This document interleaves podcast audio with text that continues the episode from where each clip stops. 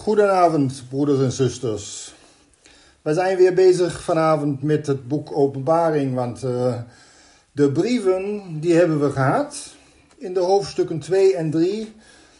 De brieven aan de zeven geesten van de zeven of der zeven gemeenten. En ik had al meerdere keren gezegd dat dit een uitbeelding geeft van de kerkgeschiedenis. Hoe is het dus met het christendom gegaan? Vanaf de opstanding van de Heer Jezus Christus. Wat is er van het evangelie terechtgekomen in deze wereld? En uh, nu zijn wij inmiddels in hoofdstuk 4 en daar ziet Johannes, daar ziet hij eerst wat er rondom de troon is. Hij ziet natuurlijk ook wie op de troon zit en wie ook het recht heeft om het boek des levens te openen. Dat vinden wij allemaal vermeld in de hoofdstukken 4 en 5. En de vertalers hebben dat in mijn Bijbel ook met titels voorzien.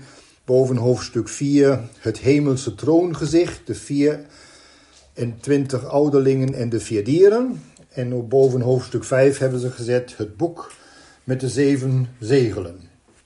Nou, daar houden we ons mee bezig. En daarna vanaf hoofdstuk 6, daar vinden wij de oordelen die vanuit de hemel op de aarde komen, dus uitgegoten worden over de aarde. En waar God de Heer spreekt in zijn toorn. Dat, dat, dat, dat wil zeggen, of dat houdt in, dat daarmee dan de vreselijke dag des Heren begint. Judgment Day, zoals gezegd. En dat is wat de wereld en ook de volkeren, wat wil zeggen de wereld, namelijk de volkeren, straks te wachten staat. Maar eerst houden we ons bezig, zoals gezegd, met hoofdstuk 4. Daar staat namelijk in vers 1 van Openbaring 4. Na deze zag ik en ziet, een deur was geopend in de hemel. En de eerste stem die ik gehoord had, als van een bazuin, met mij sprekende, zeide: Kom hierop en ik zal u tonen hetgeen na deze geschieden moet. Dus dat is diezelfde stem, de eerste stem die uh, Johannes al gehoord had, Namelijk die stem uit Openbaring 1, vers 10. Namelijk de stem van de Heer. Want twee bladzijden terug in Openbaring 1, vers 10 was nog geschreven. En ik was in de geest op de dag des Heren. Zie op de dag des Heren. En ik hoorde achter mij een grote stem als van een bazuin. En diezelfde stem die uh, hoort Johannes hier weer in 4 vers 1. En daar wordt gezegd na deze. Dus alles wat, na, wat uh, nadat Johannes gehoord had over, die, over het schrijven aan die zeven engelen van de gemeenten. En nadat hij die brieven heeft geschreven, of wat hij gedicteerd gekregen heeft, opdracht daartoe heeft gekregen. Dat was in, zoals gezegd, in zijn geheel de weerspiegeling van de kerkgeschiedenis. Nogmaals, zo van opstanding tot de wederkomst van Christus, in ieder geval tot de wederkomst. En Johannes krijgt te zien wat na deze geschieden zou. En dat wordt dan nogmaals beschreven hier tot aan het einde van het boek Openbaring. Dus. En er wordt in 4 vers 1 gezegd, de deur was geopend. Nou ja, broeders en zusters, een geopende deur, um, dat staat in verband met uitspraken die we in het Oude, Oude Testament kennen, waar gezegd wordt dat de hemel in onze bedeling gesloten is. En dat in het Oude Testament al aangekondigd wordt dat die hemel zou scheuren, wil zeggen dat die geopend zal worden. En zoals jullie dat weten, dat veronderstel ik, dat God nu zwijgt, dat de Heer zich nu verbergt voor de wereld. Want hij heeft tenslotte 4000 jaren lang gesproken, na, of tot de vaderen via de profeten, en men wilde niet horen. En nadat men de grootste profeet, de Heer Jezus, gedood had, daar heeft God gezegd, nou, nu is dat, nu is het genoeg. Nou maak ik de hemel dicht en nu spreek ik niet meer tot de wereld, tot de volkeren. En als hij dan spreekt, dan spreekt hij via de Heer Jezus Christus alleen nog maar tot ons die geloven. In en door zijn woord vanzelfsprekend. En als hij weer zal spreken, als de hemel geopend wordt, als de deur geopend wordt, en Johannes ziet dat nu, dat die deur geopend was in dit visioen, nou ja, dan spreekt de Heer weer in zijn toorn. En dat wil zeggen, hij spreekt dan met oordelen. En om het even nog te onderbouwen, waar de Heer nu nog in onze bedeling langmoedig is, waar hij zwijgt en wil dat de mensen tot geloof komen en zich bekeren, daar zegt de apostel Petrus in de tweede Petrusbrief dat de Heer zijn belofte niet vertraagt. Welke belofte? Ja, die belofte van zijn wederkomst. En als hij dan wederkomt, dan gaat dus de deur open en dan komt hij op de wolken in heerlijkheid. En anders uitgedrukt, hij komt ook met heerlijkheid. Dat wil namelijk zeggen, hij komt met ons, met jullie en met mij, met de gemeente, met zijn lichaam. En dat haal ik uit Colossensen hoofdstuk 3, waar we allemaal die uitspraak van de apostel Paulus kennen. Als hij geopenbaard zal worden, dan zullen ook wij met hem geopenbaard worden in heerlijkheid. Dus dan komen wij met de Heer terug. Nou ja, dat veronderstelt dat we eerst hem tegemoet moeten gaan. En dat ontleen ik weer uit 1 Thessalonicensen hoofdstuk 4. 1, dat zoek ik even op, 1 Thessalonicensen hoofdstuk 4. Want daar vinden wij een gedeelte vanaf vers 13 is dat, dacht ik. 1 Thessalonicensen hoofdstuk 4, ja vanaf vers 13, waar het gaat over de wederkomst van Christus. En wat die wederkomst betreft, daar wordt gezegd in vers 16, want de Heere zelf zal met een geroep, met de stem des aartsangels, met de bazuin Gods nederdalen, daar heb je openbaring, met de bazuin Gods nederdalen van de hemel. Maar eerst zal nog iets anders gebeuren, want die in Christus gestorven zijn, die zullen eerst opstaan. Dat wordt vaak misverstaan. Het gaat niet daarom dat die als eerste zullen opstaan. Het gaat daarom dat eerst nog iets komt.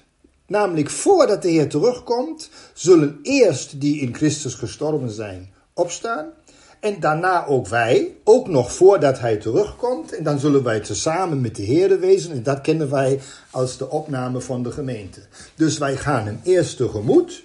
En daarna gebeurt dat wat in het eerste gedeelte van, hoofd, van hoofdstuk 4, vers 16 beschreven wordt. Dat de Heer namelijk met de bazuin God zou nederdalen, met de stem en met het geroep van de aartsengel nederdalen zal en weder, zal wederkomen. Dat is wat dus nog te wachten staat en dat hangt samen met de stem als een bazuin. En dat zien we dan ook in um, vers 2 van Openbaring 4, want die lezen we nu. Uh, daar staat namelijk in vers 2 van Openbaring 4: En terstond werd ik in de geest en ziet, er was een troon gezet in de hemel en er zat één op de troon. Dus dat is hetzelfde als wat wij in Openbaring 1, vers 10, ik had het net al geciteerd, gelezen hadden. Openbaring 1, vers 10, namelijk.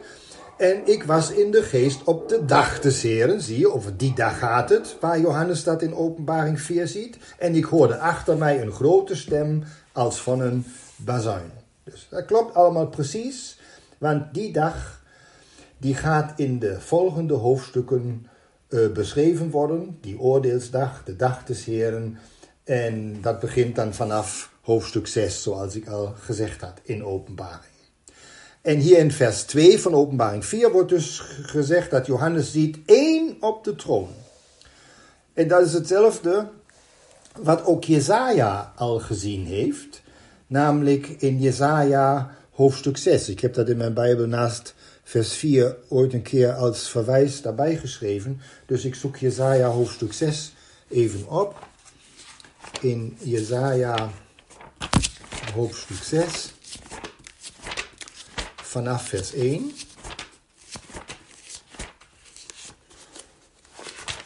Wacht even. Vanaf vers 1, daar staat...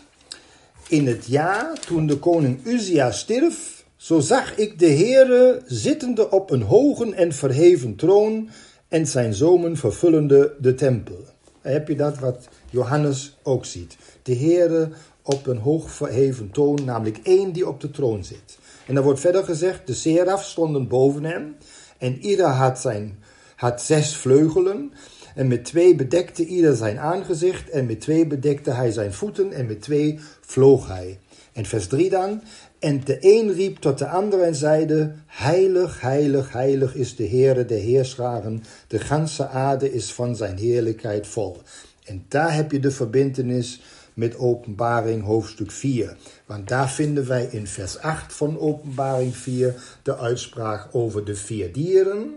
En die hadden vleugelen, namelijk uh, elk een voor zichzelf zes vleugelen rondom. En die waren van binnen vol ogen en die hebben geen rust dag en nacht. En die hebben gezegd, heilig, heilig, heilig is de Heere God, de Almachtige, die was en die is en die komen zal. Dus als we dat met elkaar vergelijken en bekijken, dan zien we en dan weten we dat Jezaja hier in een visioen in het Oude Testament, in Jezaja 6, de Heere op de troon zag. Maar dan in de toekomst, namelijk dat wat Johannes hier ook gezien heeft. Hij zag namelijk de Heer Jezus Christus in zijn opstanding, zag hij op de troon zitten. En wat we al wisten, dat hij dat is die op de troon zit, dat herhaal ik nog een keer uit Openbaring 3, vers 21. Dan weet, weten we precies wie is dat die op de troon zit. Daar staat namelijk die overwint. Openbaring 3, vers 21. Die overwint, ik zal hem geven met mij te zitten op mijn troon, zegt diegene, op mijn troon, gelijk als ik overwonnen heb en ben gezeten met mijn vader in zijn troon. Dus de Heer Jezus Christus zit op de troon van God, van zijn vader, maar hij zegt dat is mijn troon. Dus vandaar is er maar één troon en daar zit er ook maar één op, namelijk de Heer Jezus Christus, wil ik daarmee zeggen. Eén op de troon, Jezus Christus, die het beeld Gods is, of anders gezegd, anders gezegd, die het uitgedrukte beeld is van het wezen Gods. Dat is wat Johannes ziet en wat Jezaja ook gezien heeft. Dus dan ga ik in dit verband ook nog naar het boek Daniel. Want Daniel, die had in Daniel 7 onder andere ook een visioen. En in Daniel 7, ik zoek het even op, vind ik prachtig. In Daniel 7 vinden wij een visioen over vier dieren die, uh, die Daniel ziet. En, over, uh, en dat die vier wereldrijken voorstellen. En dan hebben we in vers 9 van Daniel 7, 7 staan. Dit zag ik, totdat er tronen gezet werden. En de oude vandaag zette, wiens kleed uh, vandaag zette, zich zette, wiens kleed wit was als sneeuw en het haar zijns hoofds als zuivere vol. Zijn troon was vuurvonken, de zelfs raderen en branden vuur. Nou ja, dat is toch alweer duidelijk. Wij hadden openbaring hoofdstuk 1 al behandeld. Daar hebben we gezien hoe diegene beschreven wordt die die stem had als een bazuin. Namelijk, die was gewoon een uitbeelding, of die was een beschrijving van de Heer Jezus Christus. En in openbaring hoofdstuk 3, vers 21 had ik net gezegd, daar was iemand op de troon, dat is de Heer Jezus Christus, die op de troon God zit en die zegt, dat is mijn troon. En als men hier de oude vandaren ziet, die zich zit, zet en die wordt beschreven, wiens kleed wit was als sneeuw en het, hoofd, uh, het haar zijns hoofds als zuivere wol, dan komt dat overeen met de beschrijving van de Heer Jezus Christus in openbaring hoofdstuk 1. En dan lees ik in Daniel 7, vers 10. En een vurige rivier vloeide en ging van hem uit. Duizend maal duizend, duizend maal duizenden dienden hem en tienduizend maal tienduizend stonden voor hem. Het gericht zette zich en de boeken werden geopend.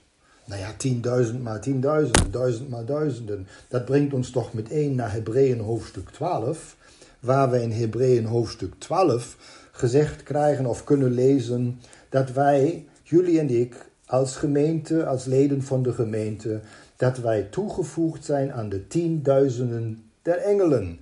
En dat we daarmee ingeschreven zijn in de hemel, in het Jeruzalem dat boven is. Nou ja, en de boeken werden geopend. Nou ja, dat is iets wat wij, wat wij in, uh, in uh, hoofdstuk 5 van openbaring ook al nog zullen lezen. En als we dat allemaal weer vergelijken, want in vers 10 zegt ja, het gericht zette zich en de boeken werden geopend. Als we dat lezen, dan zien we weer dat net zoals bij Jezaja, ook Daniel de Heer Jezus Christus zag zittende op de troon Gods. En omdat dat nog niet alles is, ga ik ook nog naar Daniel 7, vers 13. Namelijk Daniel 7, vers 13 zegt. Verder zag ik in de nacht gezichten en ziet, er kwam een met de wolken des hemels als eens mensenzoon. En hij kwam tot de oude vandaren en zij deden hem voor dezelfde naderen. En hem werd gegeven heerschappij en eer en het koninkrijk, dat hem alle volken en naties en tongen eren zouden. Zijn heerschappij is een eeuwige heerschappij, die niet vergaan zal, en zijn koninkrijk zal niet verdorven worden. Nou, zie, hier heb je de oude vandaren, hier heb je God, de Heere, die er altijd was en is. En je hebt één, de, zoons, de zoon des mensen gelijk, namelijk de Heer Jezus Christus, de zoon des mensen. Dus de Heer Jezus noemde zich in zijn aardse omwandeling de zoon des mensen. Maar dat is ook de Heere, de Heer Jezus Christus. Maar dat is hij pas sinds de opstanding. Vandaar werd de zoon des mensen tot zoon van God gesteld. We lezen Handelingen hoofdstuk 2, waar de apostel Petrus zegt in zijn eerste toespraak: Zo weten dan zeker het ganse huis Israëls dat God deze Jezus, Jezus, de mens, Jezus, de zoon des mensen, zo noemde hij zich, dat hij deze Jezus gekruisigd hebben, maar dat God hem heeft opgewekt en tot Heere en Christus gesteld heeft. En daarmee werd hij Jehovah, Jezus, de gezalfde, de koning. Heere Jezus Christus. En die zat op de troon en dat zag David toen al in dit visioen uit Daniel hoofdstuk 7.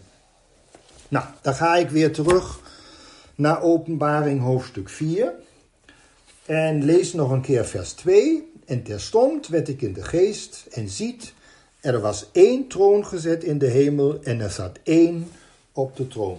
Dus één op de troon nogmaals. En als men die ziet, dan is het Christus. Dan is het degene die het beeld Gods is, die het uitgedrukte beeld is van het wezen Gods. Die is de enige die op de troon zit. En daar heb je niks met drie personen of uh, Vader, Zoon, Heilige Geest. Dit is allemaal als drie personen die allemaal gelijk zijn. Dit is absoluut geen waarheid. Hier is er maar één op de troon. Dat is de oude vandaag die zich uitdrukt, of als hij gezien wordt, is hij de Heere Jezus Christus. Nou, vers 3 van Openbaring, hoofdstuk 4 en vers 4 ook. En die daarop zat, die was in het aanzien den steen jaspis en sardius gelijk. En een regenboog was, boog was rondom de troon, in het aanzien der steen smaragd gelijk. En rondom de troon waren 24 tronen, en op de tronen zag ik de 24 ouderlingen zitten, zittende, bekleed met witte klederen, en zij hadden gouden kronen op hun hoofden. Nou, ze zaten en zitten. Degene die op de hoogste troon zat, was in het aanzien gelijk van de steen jaspis en sardius. En daar waren er nog 24 tronen rondom die hoogste troon. En daar zaten weer 24 ouderlingen. En daar zitten, dat zijn we al terechtgekomen in Daniel 7, waar stond dat het gericht zich zette. En dat is zo dat als een rechtszaak begint, dan gaat men zitten. Dan begint de rechtspraak. En die 24 oudsten hadden gouden kronen. En die op het hoogste troon heeft natuurlijk ook een kroon. En waren koningen. Dan, want koningen hebben een kroon. Denk maar aan openbaring hoofdstuk 1. Waar Johannes met zegt, of die stem met zegt. Die ons gemaakt heeft koningen en priesters. Dat is wat wij geworden zijn in de Heer Jezus Christus. Dus hebben we ook kronen. En daaruit kan je al concluderen dat die 24 ouderlingen die men hier beschreven krijgt, dat die gewoon de gemeente voorstellen. Dat zijn wij, dat zijn jullie. Dus dan weten we wie dat is. Nou, en hier volgens vers 3 um, ehm, is diegene die op de troon zit gelijk edelstenen. Die wordt beschreven als edelstenen gelijk. Want kronen of een kroon heeft altijd juwelen. En die edelstenen zijn jaspis en sardius. Nou ja, daar is ehm, heel veel over geschreven. Daar wordt ook heel veel over gespeculeerd. En ehm, ik heb het een of andere ook overgenomen van hetgeen wat ik gehoord heb. Namelijk jaspis. Dat uh, komt overeen met een robijn. En een robijn is een rode edelsteen. En het Hebreeuwse woord daarvoor is odem. En odem betekent wederom rood. Of Adam of mens. Dat is wat dit Hebreeuwse woord voor robijn nou eenmaal um, betekent. En datzelfde geldt ook voor Sardius. Want dit wordt in het Hebreeuws ook vertaald met odem. Dus ook met rood of met mens. Het enige wat een beetje vreemd is in deze opzomming van edelstenen, dat is een smaragd. Want een smaragd heeft een groene kleur. Toch? Smaragden zijn groen. Maar, uh, smaragden. Maar een smaragd, die komt overeen met het Hebreeuwse woord novak. En dat is nu wederom een zwarte steen.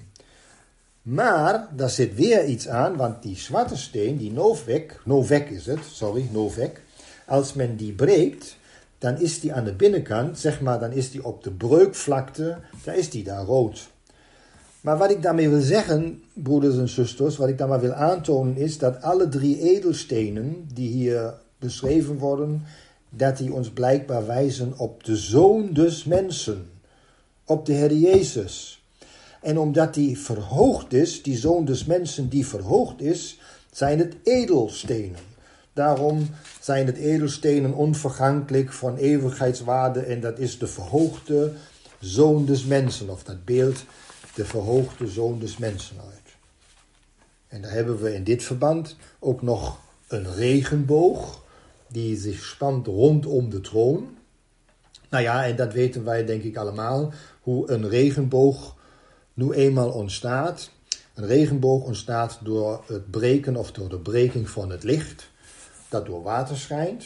Dus net uh, waardoor ook edelstenen uh, hun lichtende en glimmende uiterlijk krijgen. Door licht namelijk, dat daarop breekt. En als licht breekt op of door een massa, dan ontstaan verschillende kleuren. Dat is nou eenmaal wat daarmee samenhangt. Als licht breekt, dan ontstaan kleuren. Dat wil zeggen, licht heeft vele aspecten, is veelkleurig of is kleurrijk. En dat komen we natuurlijk in de Bijbel weer tegen, want wij weten uit Efeze hoofdstuk 3, 3 dat nu door de gemeente aan de machten in de hemel getoond zal worden de veelkleurige of veelvuldige wijsheid Gods. En wijsheid Gods is altijd licht. Ja, veelkleurig, veelvuldig licht. Dat is wijsheid. En dat wordt nu eenmaal uitgebeeld door die regenboog die rondom de troon ligt. Nou, ik lees nog een keer vers 4 van Openbaring 4. En rondom de troon waren 24 tronen, en op de tronen zag ik de 24 ouderlingen zittende, bekleed met witte klederen en zij hadden gouden kronen op hun hoofden. 24 ouderlingen. Ik zei al, kan geen twijfel bestaan, dat is een beeld van de gemeente. Want het gaat, eigenlijk gaat het om 12, maar die worden als eerstelingen dubbeld geteld. Dus we hebben ook 12 apostelen, maar als kinderen van de Heer als erfgenamen die gepredestineerd zijn tot erfgenaam, worden ze wel geteld, want de eerstgeborene krijgt een dubbel deel, dus 24. En 12, dat staat in de Bijbel voor heerschappij. En nogmaals, als eersteling van de nieuwe schepping worden wij dubbel geteld. Want voor de eerstgeborene is er een dubbel deel. Dus ik heb er helemaal geen moeite mee en geen twijfel om die 24 ouderlingen als de gemeente te herkennen. En overigens, wat het getal 24 betreft, ehm, de naam David, wat ja betekent de geliefde, de naam David heeft de getalswaarde in het Hebreeuws van 24. Want zoals jullie weten heb je in het Hebreeuws niet alleen letters, maar ook getalswaarden. Elke letter heeft een bepaalde getalswaarde. En David heeft als geheel, als die naam, een getalswaarde van 24 en is daarmee een beeld van Christus. Want David, weten we allemaal, is een beeld van de, is een type van de Heer Jezus Christus. En als we nu ehm, naar uh, Handelingen 13 gaan, dan zullen we zien dat juist dat wat, aan, wat David zou doen, want Christus zou zijn zegeningen en zijn positie mede erven en medegeven aan de gemeente, dan vinden wij in Handelingen 13, vers 34, Handelingen 13, de uitspraak van de apostel Paulus in zijn, in zijn toespraak, Handelingen 13, vers, vers 34. Um, ik lees maar vanaf vers 33. Nadat hij Paulus verklaard heeft dat de Heer Jezus uit de doden is opgewekt, daar staat in vers 33, gelijk ook in de tweede psalm geschreven staat: Gij zijt mijn zoon, heden heb ik u gegenereerd. En dat hij hem uit de doden heeft opgewekt, alzo dat hij niet meer zal tot, zal tot verderving keren. Hij heeft hij al dus gezegd: Ik zal u lieden de weldadigheden Davids geven die getrouw zijn. De Heer Jezus Christus, met een getalswaarde van 24, geeft zijn weldadigheden, alles wat hij te geven heeft, aan de gemeente, aan zijn lichaam. En dat was, in mijn Bijbel staat bij Handelingen 13, vers 34, keurig een verwijs naar Jesaja 55, vers 3, waar Jesaja schrijft dat um, gezegd wordt Um, neigt uw oor tot mij, hoort naar mij, en ik zal u geven de gewisse weldadigheden van David. De gewisse weldadigheden van David. Dat is waar de apostel Paulus in Handelingen 13 um, een beroep op doet. En dat ook nog verklaart. Nou.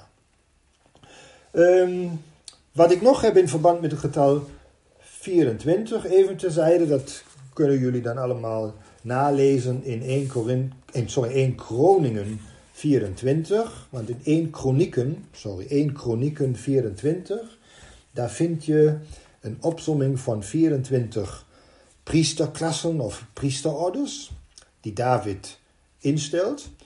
En in het volgende hoofdstuk dan, in 1 Kronieken 25, daar vind je nogmaals 24, maar deze keer zijn het 24 zangorders die ingesteld worden. En nou ja, het is, lijkt me heel duidelijk in het verband wat ik nu allemaal gezegd heb. Um, die 24 uh, ehm, priesters, priesterorders en 24 zangorders, die beelden uit de dienst aan de Heer en het zingen, het verheerlijken, het loven van de Heer. En dat gaat altijd samen met 24, verdeeld in 24. En dan gaat het over de gemeente. En dat lijkt mij in verband met die 24 ouderlingen op 24 tronen. En kronen, gouden kronen op hun hoofden, dus als koningen en ook priesters, lijkt me dat genoeg verklaard. En dan neem ik vers 5 nog mee. In Openbaring 4, vers 5 staat dan over wat van die troon uitging. En van de troon gingen uit bliksemen en donderslagen en stem. En zeven vurige lampen waren brandende voor de troon, welke zijn de zeven geesten Gods. Van die troon gingen uit bliksemen, donderslagen en ook stemmen. Het lijkt mij zo dat dit drie keer hetzelfde is, want bliksem en donderslagen zijn stemmen. En die beelden het spreken van God uit, want God spreekt dan. De dag des Heren is aanstaande en zou nu beginnen en dan gaat de hemel open, de deur is geopend. En wat doet God? Hij breekt zijn zwijgen en hij begint te spreken. Want nogmaals, nadat God pakweg 2000 jaar heeft gezwegen en heeft de wereld losgelaten en zich er niet mee bemoeid, zal hij nu spreken in zijn toorn. Zo. En de zeven geesten die hier genoemd worden, die beelden, wat mij betreft, de onzienlijke kracht van God uit. Want geest, geest Gods, is nu eenmaal kracht. Kracht Gods.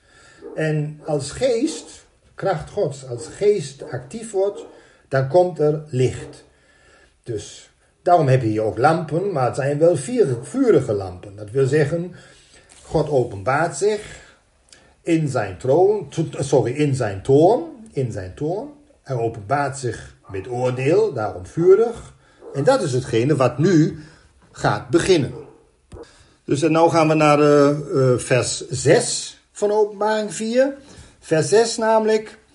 En voor de troon was een glazen, sorry, voor de troon was een glazen zee, kristalgelijk. En in het midden des troons en rondom de troon vier dieren zijn de vol ogen van voren en van achteren. Nou, een glazen zee zien we hier, kristalgelijk. Wij kennen ook in de schrift een koperen zee in de Bijbel. Ehm, dat is namelijk een, een wasbak of een wasvat. En een glazen zee, klaar, klaar als kristal, is ook een wasbak of een wasvat. En dat staat nu eenmaal voor reiniging. Namelijk, het gaat erom dat nu uitgebeeld wordt dat de onorde, de wanorde en het chaos in deze wereld, dat dat nu in orde gebracht wordt. En dat in kristalklaar water. Als alle onreinigheid in deze wereld weg is, en daar begint de Heer nu mee, dat te regelen, dan kan het licht doorheen schijnen, daardoorheen schijnen en dan is het klaar. En zo wordt ook aan het einde van dit boek Openbaring het nieuwe Jeruzalem beschreven. Maar nogmaals, dat duurt nog een klein beetje voordat we daaraan toe zijn, want dat is dan in Openbaring 2021 waar het daarover gaat. Waar wij het nu nog over moeten hebben, dat is over de vier dieren. De vier dieren. Die in het midden des troons staan. En uh, nou ja, die troon staat um, sowieso in het midden. En rondom die troon heb je vier dieren. Dat wil zeggen, um, die vier dieren die staan nog iets dichter bij de troon als die 24 ouderlingen. Want het beeld wat we ons moeten voorstellen, dat is dat in het midden staat de troon, de hoogste troon, met de Heer Jezus Christus daarop zittende. Daaromheen heb je vier dieren. En nogmaals, daaromheen heb je dan de 24 ouderlingen op 24 tronen. En dat zeg ik zo omdat wij in het Oude Testament dit beeld ook herkennen. Want daar heb je bijvoorbeeld de Ark des Verbonds, die voorgesteld is als een troon. En dan heb je op de ark vier cherubs of cherubim, of anders gezegd vier serafs. Net als hier in de openbaring die vier dieren. En van die serafs wordt gezegd twee aan de ene en twee aan de andere zijde, dus vier. En die vier dieren, um, die hier genoemd worden, of die vier figuren die hier genoemd worden, die kennen we ook uit, is, figuren en dieren, die kennen we ook uit Ezekiel hoofdstuk 10. En daaruit weet ik dat ze de heerlijkheid van Christus voorstellen. En uit die vier aspecten van de evangeliën herkennen wij die dieren ook. Bovendien worden ze ja ook in, um, in hoofdstuk 4 hier van uh, openbaring um, beschreven, vanaf vers 7 of in vers 7. Maar ze komen overeen met de aspecten van de vier evangeliën, namelijk met Matthäus, Marcus, Lucas en Johannes, waar het Matthäus-evangelie ons de Heer Jezus voorstelt als de leeuw en het Marcus-evangelie als een kalf of een os. En het Lucas-evangelie stelt ons de Heer Jezus als de mens voor. En in Johannes wordt ons de Heer Jezus beschreven in het beeld van een arend. Dus die uh, vier dieren, die vier evangeliën, die geven dus uitdrukking aan de persoon van de Heer Jezus Christus. En nogmaals, in vers 7 wordt ook gezegd wie, wat voor dieren dat zijn. Het eerste dier was een leeuw gelijk, het tweede was een kalf gelijk en het, derde dier had het aangezicht als een mens en het vierde dier was een vliegende arend gelijk. Nou ja, de leeuw, broeders en zusters, de koning van de dieren op de aarde, op de grond of in de aarde, dat beeldt koningschap uit, de koning van de dieren. Het kalf of de os, dat is uit Marcus de dienstknecht, de Jezus als dienstknecht. Het dier dat een, een juk draagt, dat lasten draagt. En in het Lucas-evangelie wordt ons de Jezus voorgesteld als de mens, als de zoon des mensen. En als je naar Lucas 3 gaat en je leest het geslachtsregister, dan gaat dat terug tot Adam, tot de eerste mens waarvan de Heer Jezus de tweede of de laatste Adam is. En dan heb je nog het Johannesevangelie, waar ons de Heer Jezus voorgesteld wordt als een Adam, namelijk als de koning van de lucht, wil zeggen als de hoge priester, koning en hoge priester in de hemel. De zoon van God in de hemel. Dat zijn de vier evangeliën en nogmaals die, um, die uh, dieren die we hier zien, uh, die beschreven worden, die beelden dus die hoedanigheid van de Heer Jezus uit, die op de troon zit. En vers 8 dan wordt over die dieren gezegd. En de vier dieren hadden elk een voor zichzelf dus zes vleugels rondom en waren van binnen vol ogen en hebben geen rust dag en nacht, zeggende, heilig, heilig is de Heere God, de Almachtige, die was en die is en die komen zal. De dieren hebben vleugels. En vleugels wijzen altijd op een hemels aspect. Denk maar aan, aan, eh, aan engelen, want engelen zijn hemelse wezen, zijn geestelijke wezen. En als ze in de beeldende kunst een engel maalt, tekent, dan wordt die altijd met vleugels afgebeeld, omdat men dan ziet een mens die vleugels heeft. En dan heb je daarmee automatisch uh, een, een, een beeld van een geestelijk wezen. En die ogen die beschreven worden, want ze hadden um, van binnen vol ogen. Daar is iets over te zeggen, want die beelden ook geestelijke dingen uit. Want in uh, hoofdstuk 5, vers 6, daar lezen wij als het lam het boek neemt om het te openen. Daar staat dan: En ik zag en ziet in het midden van de troon en van de vier dieren en in het midden van de ouderlingen een lam staande als geslacht, hebben de zeven hoornen en zeven ogen, de welke zijn de zeven geesten, zie wel, geestelijke dingen, geesten Gods, die uitgezonden zijn in alle landen. Dat zijn de ogen die alles overzien, die alles doorzien ook. Dat is wat hier in vers 8 van Openbaring 4 nog gezegd wordt. En die ogen van de vier dieren, die, uh, die zeggen dus: Heilig, heilig, heilig is de Heere, de Heere God, de Almachtige, die was en die is en die komen zou. En dat zeggen ze continu dag en nacht. Dus ook dit is weer een indicatie dat wat hier beschreven staat een uitbeelding is van iets.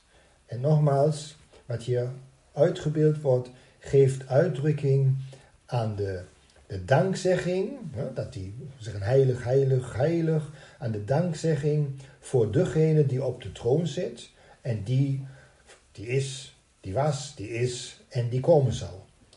En dat is het wat die 24 oudsten ook deden.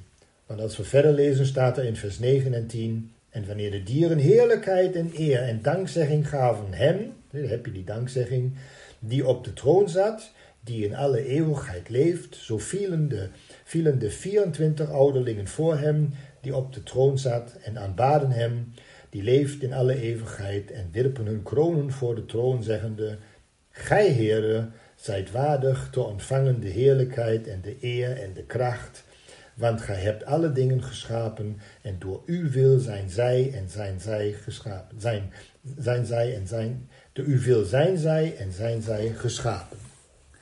Ja, tot zover, want ik denk dat ik daarop de volgende keer nog even terugkom. Maar voor, vanavond wil ik het daarbij laten, nadat ik toch, misschien kan maar dan in de opname ook horen, uh, menigmaal door het geblaf van honden gestoord ben. Maar ja, we zullen de Heer danken. Vader in de hemel, ik wil u dank zeggen. Dank zeggen dat we ook vanavond weer met uw woord mogen bezig zijn.